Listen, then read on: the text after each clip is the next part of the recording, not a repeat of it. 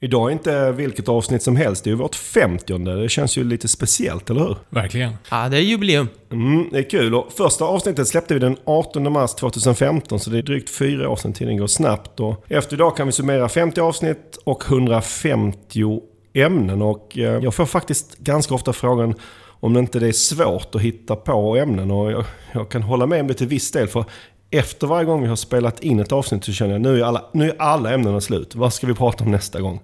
Men sen brukar det bara ta ett par dagar tills man har hittat nya spännande saker att prata om. Har ni något favoritavämne av våra 150? Det finns ju så många så det skulle bli svårt att bara välja ett. Men jag har ett annars. Mm. Och det är ju avsnittet om smart shopping. Jag tror det är avsnitt 46. Det som är lite roligt med det är ju att vi, våra kära vänner på Google hörde av sig efteråt och hade lite, ska vi säga, synpunkter på om vi hade sågat dem lite för mycket kanske. Mm. Ja, det är ju alltid kul när vi får, får feedback på avsnitten. Lite extra kul när vi får det från Google såklart. Min favorit är nog redan på avsnitt 4 när vi pratar om spökspam. För det var ett ämne som jag inte alls visste något om tidigare. Och det är ju alltid kul att eh, få lära sig någonting helt nytt. Och uh, med det så rullar vi igång detta jubileumsavsnitt. En framtida favorit kanske. Du lyssnar på Sökpodden. En podcast för dig som gillar Google, SEO och SEM. Sökpodden görs av Pineberry. Varmt välkomna till avsnitt 50 av Sökpodden. Mitt namn är Mikael Wahlgren. Idag har jag nöjet att sitta här med Erik Allert Tjena, tjena! och Björn Budén. Hallå, hallå. Våra tre ämnen för dagen är strukturerad data, negativa sökord och så avslutar vi med canonicals. Hur är läget med er idag? Eh, Jättebra. Finemang med mig, inga konstigheter. Som vi nämnde lite här i inledningen så är det ju ett jubileumsavsnitt och vi vill ju såklart fira det med er lyssnare på något sätt. Och vi tänkte att vi ska upprepa succén vi hade från avsnitt 30 när vi tog fram Sökpodden t-shirt. Så det har vi gjort den här gången också. Fast inte samma t-shirt va? Nej, det hade kanske varit lite tråkigt. Så det är en annan färg, det är en mörkblå eh, t-shirt. French Navy för att vara helt exakt på Åh, färgen. snyggt! Och trycket är såklart också lite annorlunda än förra gången. Och om ni kollar in avsnittsbilden så kommer ni se hur t-shirten ser ut för jag har den på mig. Och eh, precis som förra gången kommer vi ge bort dessa helt gratis till er lyssnare som gillar sökpodden och vill ha den här t-shirten. Och det är bara att gå in på pineberry.com t-shirt och beställa en. Det finns inte obegränsat med, med tröjor men vi har köpt in så jag tror att det kommer räcka till de flesta som vill ha en. Men för att vara på den säkra sidan så är mitt tips om du vill ha en, pausa avsnittet här och nu. Gå in på pineberry.com t-shirt och beställ och så lyssna vidare sen. Och med det så kör vi igång dagens första ämne. Idag börjar vi att prata om strukturerad data och eh, förra avsnittet pratade vi om JavaScript och det är en sak som det snackas mycket om just nu när det gäller SEO. Och en annan sak som, som är mycket på tapeten är just strukturerad data. Eh, varför är det så? Eh, sannolikt för att eh, Google väljer att lyfta fram det mer och mer i sökresultatet och att eh, användningsområdena för det växer. Om vi börjar lite enkelt, vad är egentligen strukturerad data? Om man enkelt ska förklara så kan man säga att det är eh, extra information som man kan ge till eh, sökmotorerna för att förklara vad olika element på en sida är. Och på det här sättet så eh, hjälper man sökmotorerna att bättre förstå innehållet på en sida. Och varför är det nu så att Google gillar det här med strukturerad data?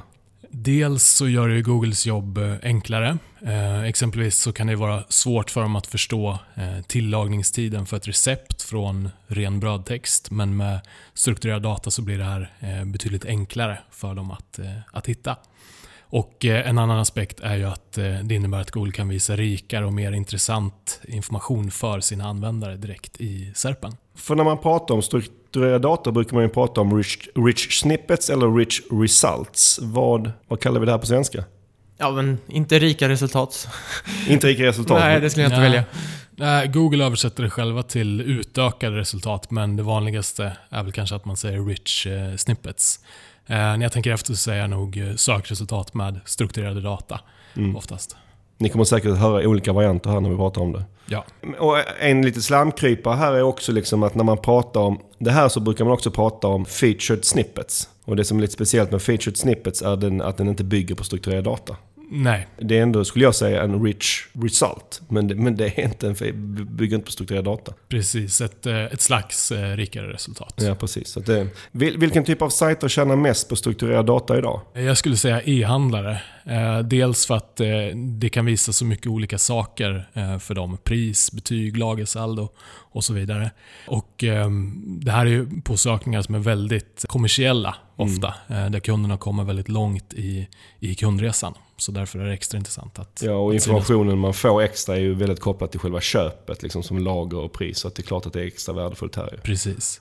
Och sen visas det även mycket kring exempelvis receptsökningar. Och där är det väl nästan ingen receptsajt idag som inte använder strukturerad data? Alltså det är nog så att de flesta gör det, men, men det ser man ju oftast med det här som tillagningstid som Björn nämnde. Men ja, jag har sett receptsajter som fortfarande inte använder det. Vad säger du Björn, kan andra sajter än receptsajter helt strunta i strukturerad data? Nej, det tycker jag inte. Det finns nytta för mer eller mindre alla eh, sajter att implementera det. Men det är såklart mycket viktigare för en e-handlare än för många andra. Och strukturerad data bygger ju på ett, ett, ett ramverk som heter schema.org som Google lanserade tillsammans med Bing, Yahoo och Yandex, det vill säga andra sökmotorer, redan 2011. Och det finns ju lite olika tekniker för att implementera det här. Precis, eh, bland annat eh, JSON LDI, RFDA och eh, mikrodata. Eh, och eh, Google rekommenderar JSON LD när man ska implementera, men alla de här tre fungerar. Men av den anledningen kanske man ska fokusera på att implementera det som eh, JSON LD eftersom det känns mest som framtiden. Ja, jag tycker det är väldigt tydligt från Googles sida att de trycker på att det är den de rekommenderar just nu. Det brukar de inte ja. alltid göra. Så att det finns ju en risk att de kanske säger om ett tag, det händer inom andra områden, att de kanske inte stödjer andra metoder längre. Så är det. Så att det är väl säkrast om man kan att välja den. Det här låter ju väldigt bra om att kunna få rikare sökresultat för sin sajt såklart. Men finns det något negativt med att göra det här? Ja, alltså som sagt, eh, att få in mer saker i sökresultatet gör ju ofta att ens eh, CTR ökar, men det behöver inte vara så. Om man med hjälp av strukturerad data svarar så bra på googlingen så att eh, användaren inte behöver klicka sig in, då kommer ju din CTR att eh, försämras istället. Exempelvis vid eh, strukturerad data för vanliga frågor, som en typ heter, så skulle det här kunna ske om användaren får svaret direkt på Google och inte har behovet att klicka sig in till din sajt. Och det ser vi ju allt mer idag av att vi får redan svaret direkt när vi googlar. Så att de här rich snippetsen med de här frågorna ökar ju verkligen markant. Mm, och, och, jag tycker man säger också att Google på många sätt och vis försöker göra så att man ska stanna i sökresultatet. Det har vi pratat om här innan i sökpodden, så det är såklart en risk. Precis. Också som ökar med strukturerad data. Hur kan man, kan man attackera den här problematiken på något sätt? Delvis får du nog acceptera att eh, det inte bara kommer innebära fördelar för dig, men du kan ju ändå påverka användarbeteendet genom att få in en bra CTA i vissa typer av eh, rich snippets som gör att det finns finns en anledning att, att klicka sig in. Och eh, Man kan även lägga in länkar i eh, strukturerad data för vanliga frågor eh, och på det sättet försöka få in användaren till sajten. Mm, och Jag har också sett att om man jobbar med exempel punktlistor så kan man se till att ha listor som har fler punkter än de som Google visar. För då kommer de ju ha en länk till att här finns fler punkter. Och då är det man som använder såklart nyfiken och läser de sista punkterna också. Du skapar en liten cliffhanger helt enkelt? Precis, så att man kan ju tänka lite smart kring det här. så att man, Det finns stora fördelar med strukturerad data och de här negativa sakerna som finns kan man ju till viss del kanske eh, hantera. Eh, I alla fall delvis. Hur Björn, hur skulle du säga, hur bra är svenska sajter på att implementera strukturerad data?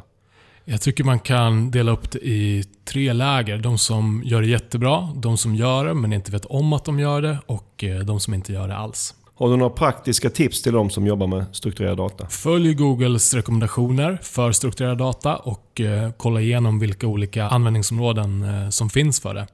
Och ehm, eh, använd Googles testverktyg för strukturerad data för att eh, kolla så att allting blir rätt när du implementerar. Och Det är även bra att hålla koll i Search Console om det dyker upp eh, några fel på, på den strukturerade datan. Och Sen kan man eh, ofta bara göra en vanlig sajtsökning på en specifik URL för att eh, se om den strukturerade datan visas på, på det sätt som man tänkt sig. Och Det ska man kanske också säga här att bara för att man har implementerat det här rätt så är det inte givet att de visar det utan det kan ju ändra sig från tid till annan va? vad de väljer att visa. Ja. Som vi nämnde tidigare så strukturerad data är ju något som Google fokuserar väldigt mycket på just nu. Och så fort det är någonting som Google liksom kommunicerar väldigt tydligt att det här är viktigt. Vi kan ta, när de snackar väldigt mycket om mobilvänlighet, de snackar om HTTPS ett tag och PageSpeed och så vidare. Då börjar snacket gå om, är detta även en rankingfaktor? Och vad säger vi här, är strukturerad data en rankingfaktor? Nej, inte om man får tro Google själva och eh, de har varit väldigt tydliga på på den här punkten. Och jag ser heller ingen riktig logik i att det skulle vara en, en särskilt bra rankingfaktor.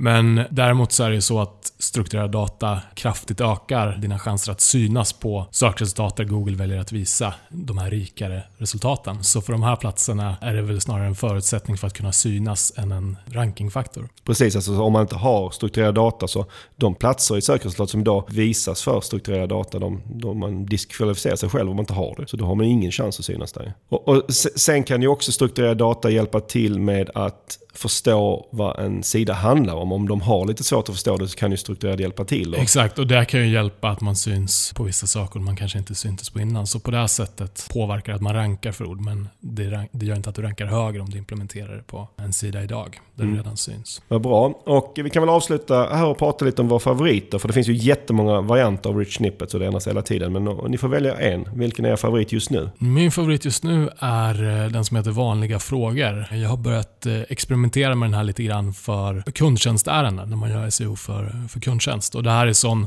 strukturerad data som bidrar till att eh, besökaren håller sig kvar på Google och inte klickar in till sajten eftersom de får svaret eh, direkt på Google.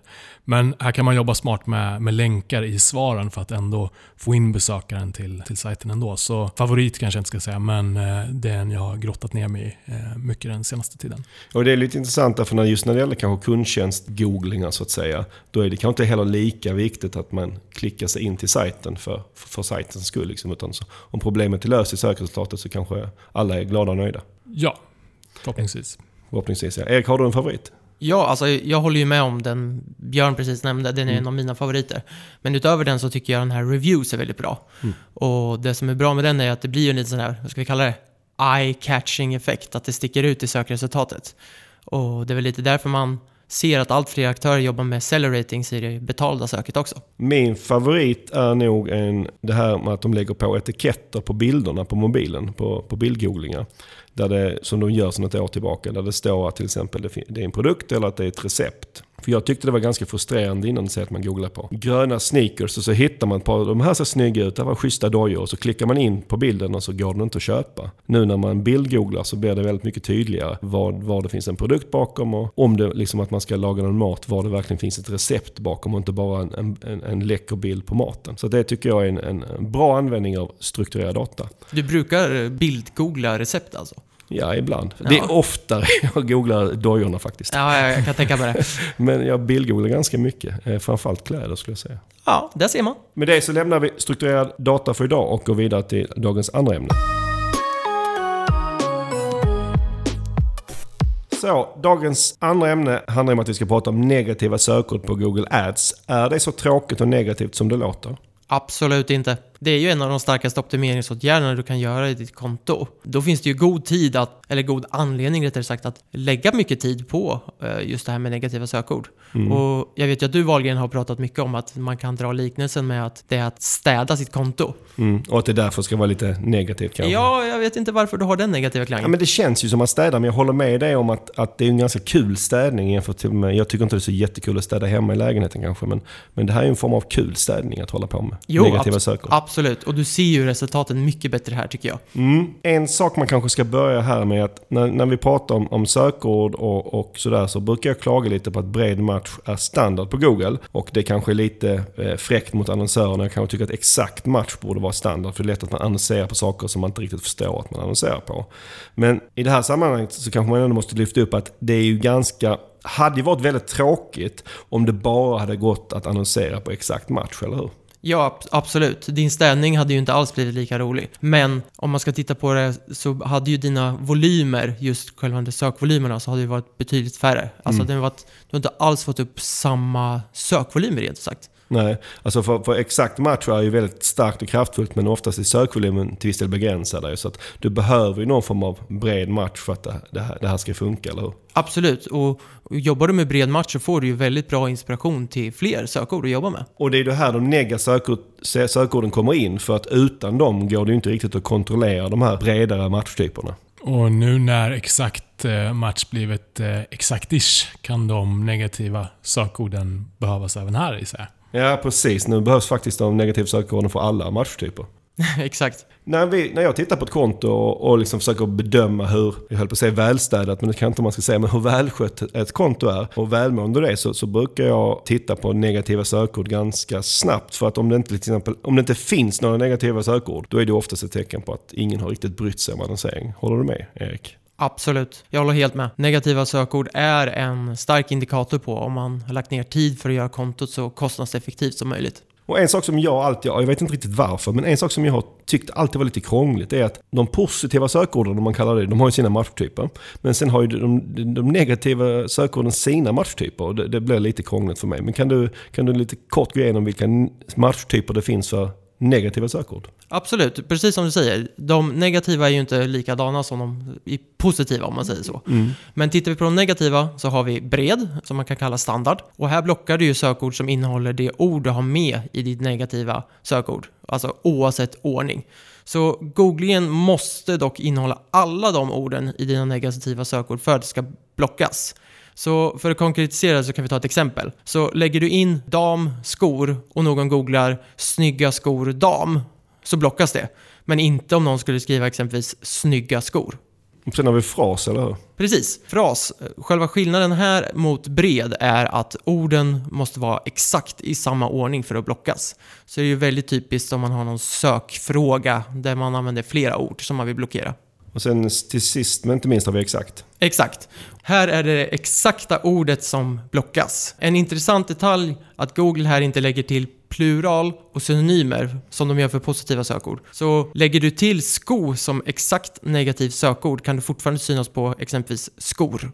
Och detta är faktiskt på ett sätt lite komiskt. För att jag var ju på eh, Google Marketing Live-konferensen i San Francisco i, i förra veckan. Och där handlade, inte en hel föreläsning, men det var en av föreläsarna som tog upp det här hur bra det hade blivit för annonsörerna när, när de hade gått till exaktish som du nämnde Björn. För då, då sa de att de, de visar på att annonsörer får 2-4% mer klick av att, att man har gjort det Exactish istället. Så det var ju en jättebra grej för annonsörer enligt Google. Eh, men då kan man undra, skulle det inte vara lika bra att göra den negativa matchtypen också exaktish?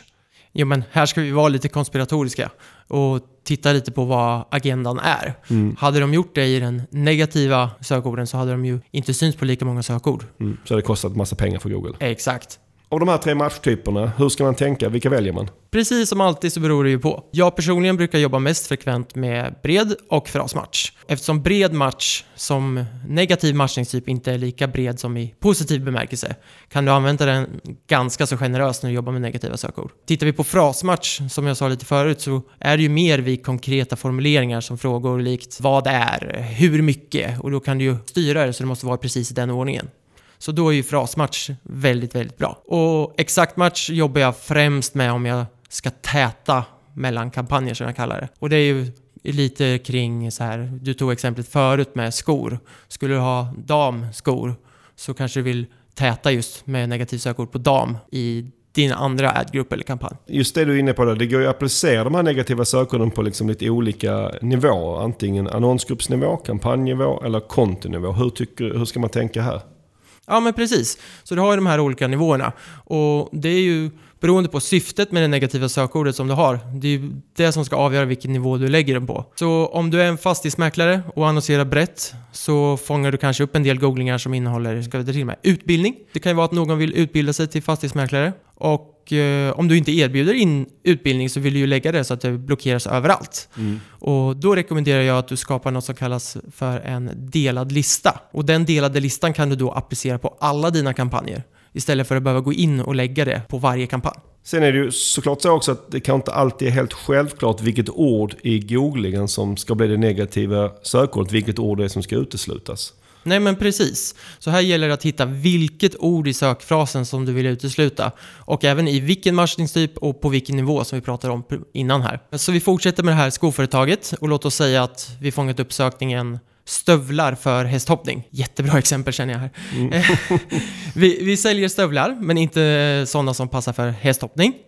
Då är det lätt att man gör det enkla misstaget att man markerar söktermen i söktermsrapporten klickar, lägger till som negativt sökord och tänker ja men nu är jag klar. Här vill jag ju då att man ska tänka ett steg längre och identifierar att det är ordet hästhoppning som ska bort och inte just formuleringen stövlar för hästhoppning.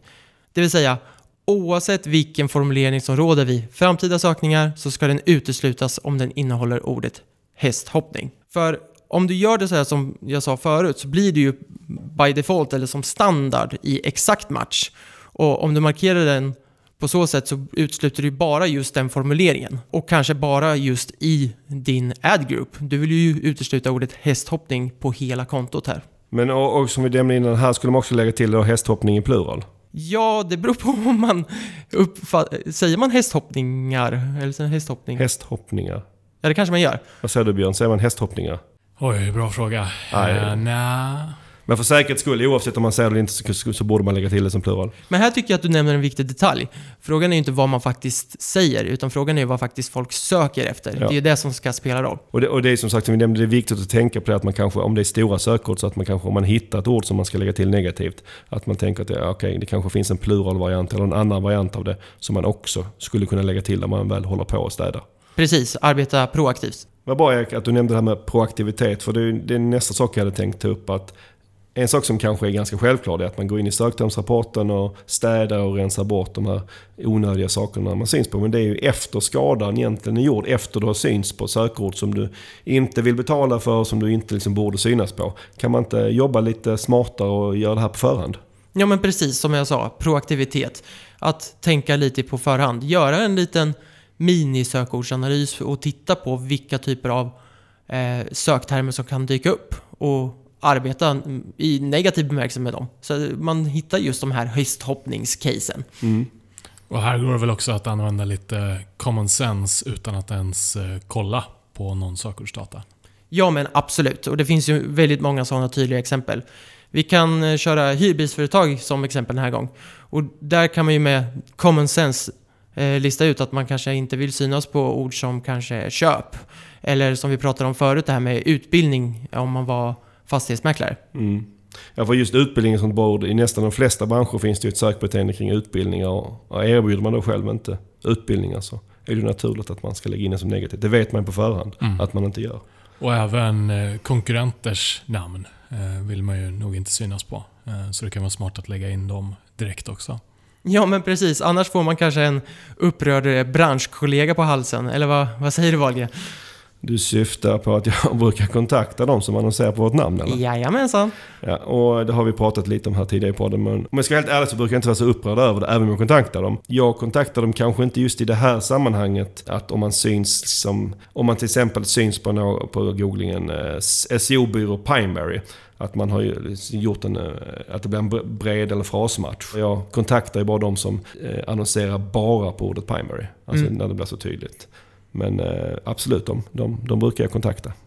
Vad brukar de säga? Det är lite olika och nu sen jag har börjat prata lite om det här i, i sökpodden så har jag, har jag kanske då, på ett sätt är det roligt, på ett sätt är det lite jobbigt. Då har det ju varit folk som har annonserat på vårt namn bara för att testa om jag kontaktar dem. Men jag, jag, jag, hörde faktiskt av mig till tre stycken annons, annonsörer förra veckan och om jag kommer ihåg rätt så sa två stycken av dem att de inte annonserade vårt namn och den, eh, den tredje sa att det var ett misstag och de, att de skulle sluta med det. Men du hade kollat upp det innan du kontaktade dem, att de annonserar på ditt namn? Ja, såklart. Så de här två som sa att de inte gjorde det, de fick jag skicka en skärmdump till och säga att ni, ja, absolut, men ni gör ju det. Och då sa de också att det var ungefär som att det var ett misstag. Så. Detta blev eh, kanske lite en, av en utsvävning, men kontentan här är väl att även om man gör en stor del av jobbet med negativa sökord i efterhand så finns det ganska mycket att tjäna på att ge- lägga en del av energin redan på förhand. Alltså städa innan det har blivit smutsigt, eller hur? Exakt. Och här kan du jobba ännu mer frekvent. Vi har tagit några exempel, men just i din bransch finns det kanske väldigt många fler exempel. Bara tittar man på rena produktsökningar, att du inte har en viss storlek eller en viss färg eller någonting som du inte har. Lägg in det som negativt sökord direkt. När vi pratar om negativt sökord så pratar vi så lite svart och vitt. Det vill säga om man ser att en sökterm presterar dåligt, då tar du bort den som negativt sökord. Men är det alltid rätt sak att göra om man ser att ett sökord eller presterar lite dåligt? Nej, det skulle jag inte säga. Absolut inte. Utan du kan ju göra andra åtgärder som eh, sänka bud och så vidare. Eh, Du behöver ju inte jobba som du säger svart och vitt, utan det kan ju vara så att du hittar din lönsamhet på en lite lägre nivå. Och då kan det vara värt att ha kvar just det sökordet. För om man ser att ett sökord ändå genererar konverteringar fast det är betydligt sämre än kanske andra sökord, ja då kanske inte man behöver ta bort det helt och hållet utan då kanske det räcker med att man, man sänker budet och ser om det blir lönsamt av den anledningen. Precis, så det beror ju helt på din målsättning. Vi backar lite till, till söktermsrapporten och återigen pratar vi lite om det här med städning. Alltså hur ofta ska du vara där inne och leta efter negativa sökord? Det beror ju lite på. Allt ifrån hur stort kontot är tills hur, hur gammalt det är. För ett helt nytt konto med en relativt stor budget, då behöver du i början ägna en hel del tid åt just det här med negativa sökord. Men har det rullat ett tag så blir det ju mindre frekvent. Tittar man då på kanske ett litet mindre konto som har funnits i många år eh, så kanske du redan hittat de viktigaste negativa sökorden. Och då räcker det kanske med att vara inne någon gång, en eller två gånger i månaden kanske. Det, det låter ju skönt scenario när man inte behöver städa så jätteofta. Nej men exakt, men eh, eftersom du gillar att städa så kanske du är inne och tittar ja, lite mer frekvent. Ja, det är lite, alltså jag gillar ju datan man får där så det är kul av den anledningen. Har du något bra tips man ska tänka på när man, när man gör den här städningen? Ja, absolut. Ett tips är ju liksom att komma ihåg när du senast gjorde din städning. Eh, på så sätt så behöver du inte titta på gammal data, utan du gjorde din check, du tittar vilka söktermer och sen så har du gått till det datumet. Nästa gång du är inne och tittar så behöver du inte kolla på det som skett innan, det som du redan har tittat på. Har du varit inne för en vecka sedan, ja men titta bara på datan som kommit in för en, den senaste veckan. Smart Ek, och med det så avslutar vi ämnet av om negativa sökord. Men vi lämnar inte städningen helt för idag, för nästa ämne handlar till viss del också om att städa och hålla undan, fast på ett lite annat sätt.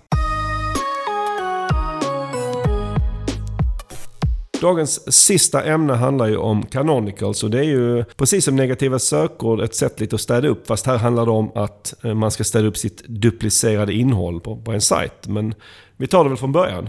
Ja, det var Google, Bing och eh, Yahoo som gick ihop och eh, tog fram det här år 2009 som ett sätt att få bukt med duplicerat innehåll. Ska man enkelt förklara vad Canonical är så är det ett sätt att berätta för sökmotorn att en sida är en kopia och man kan hänvisa till den riktiga sidan som man vill ska bli indexerad. Och om ni ursäktar här, eh, ni som lyssnar, för, för jag har en liten knasig bakgrundsgrej här som jag eh, tänkte berätta. Som är lite biblisk och jag är ute på lite hal is här för jag kan, min bibelhistoria är väl ytterst begränsad. Men jag läste om det här på, på en, en blogg, jag tyckte det var, var ganska kul. Begreppet canonical, det kommer ju från begreppet kanon, vilket är ett begrepp, om jag förstår det rätt, för att bestämma vilka religiösa texter som skulle få plats i Bibeln. Och det var ju en jättelång diskussion då på x antal hundra år efter Jesu födelse, vilka, vilka vilka eh, texter man skulle ta med. Och då bestämde man sig till slut för att man skulle ta med de här fyra evangelierna. Kommer ni ihåg vilka de var från skolan? Ingen kommentar. Ingen kommentar, nej. Jag kollar inte kommentarer när jag fick kolla upp det. Det är Matteus, Markus, Lukas, Johannes. Va? Och de här då blev kanoniserade, det vill säga att det var de som var de riktiga. Och det lustiga då i, i, i, sammanhanget här är att de har gett namn till det som ska vara originalet, alltså det som är canonical. Men de här fyra berättelserna är egentligen handlar om samma sak. Så i, i vår värld idag så skulle vi nog se det som duplicerat innehåll. Så det blir lite, lite ironiskt att de har fått sitt namn därifrån faktiskt.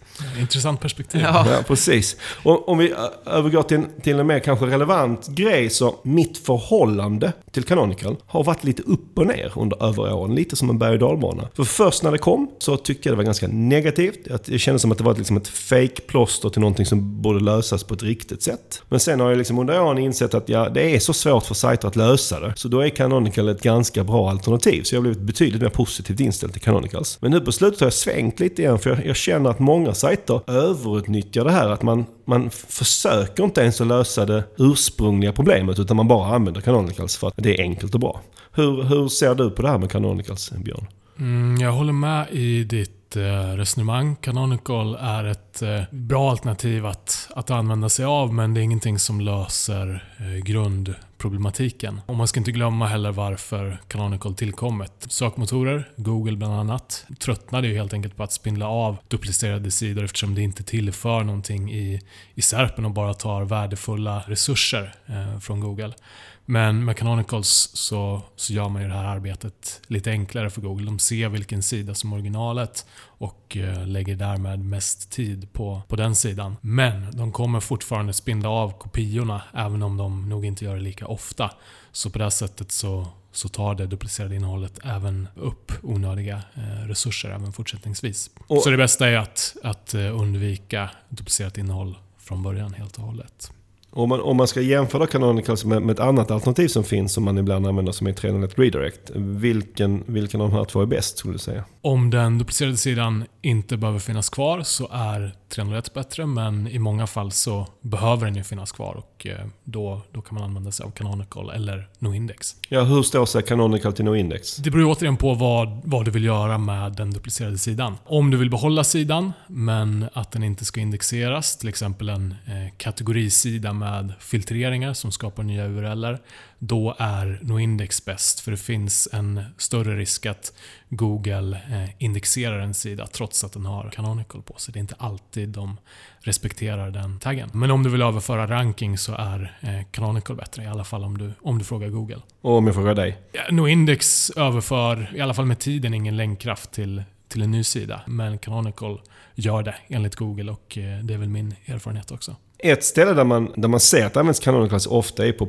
pagineringar. Och tidigare rekommenderade Google att man skulle använda RelPrev eh, RelNext. Men det har de nu ändrat att de inte ens bryr sig om. Så min fråga är Canonicals en bra lösning för paginerade sidor? Det är väl en okej okay lösning. Eh, paginerade sidor tillför ju oftast eh, inte eh, så mycket nytt relevant innehåll. Så av den anledningen är det okej. Okay. Till exempel om man har en pagineringssekvens på fyra sidor och 2, 3, 4 pekar till, eh, till 1 så att bara den indexeras. Men det man ska komma ihåg här är ju att att 2, 3, 4 då inte kommer spindlas av lika mycket av Google och därigenom eh, görs de mindre eh, prioriterade. Och det här kan ju bli ett problem om du är en e-handlare till exempel som har produkter som länkas från sida 2, 3, 4 så kommer inte de bli besökta lika ofta av Google. Och för e-handlare är det ganska ofta så att det sättet som Google kan hitta till produkterna är via en paginering. Så om det är det enda sättet för Google, som Google kan hitta de länkarna så kan det bli ett problem. Det behöver inte bli det, men det kan ju bli ett problem. Och en annan sak som det snackas en hel del om när det gäller Canonicals är ju självhänvisande Canonicals. Det vill säga där man på sin originalsida pekar en Canonical-länk till sig själv. Är det någonting att ha eller ska man bara strunta i det? Nej, det tycker jag absolut man ska. Eh, om någon exempelvis länkar till din sida fast eh, får med några parametrar i URLen så är det bra att visa för Google vilken sida som är den riktiga, originalet. Sen så har du ju en annan aspekt. Och om någon exempelvis skulle scrapa eller stjäla ditt innehåll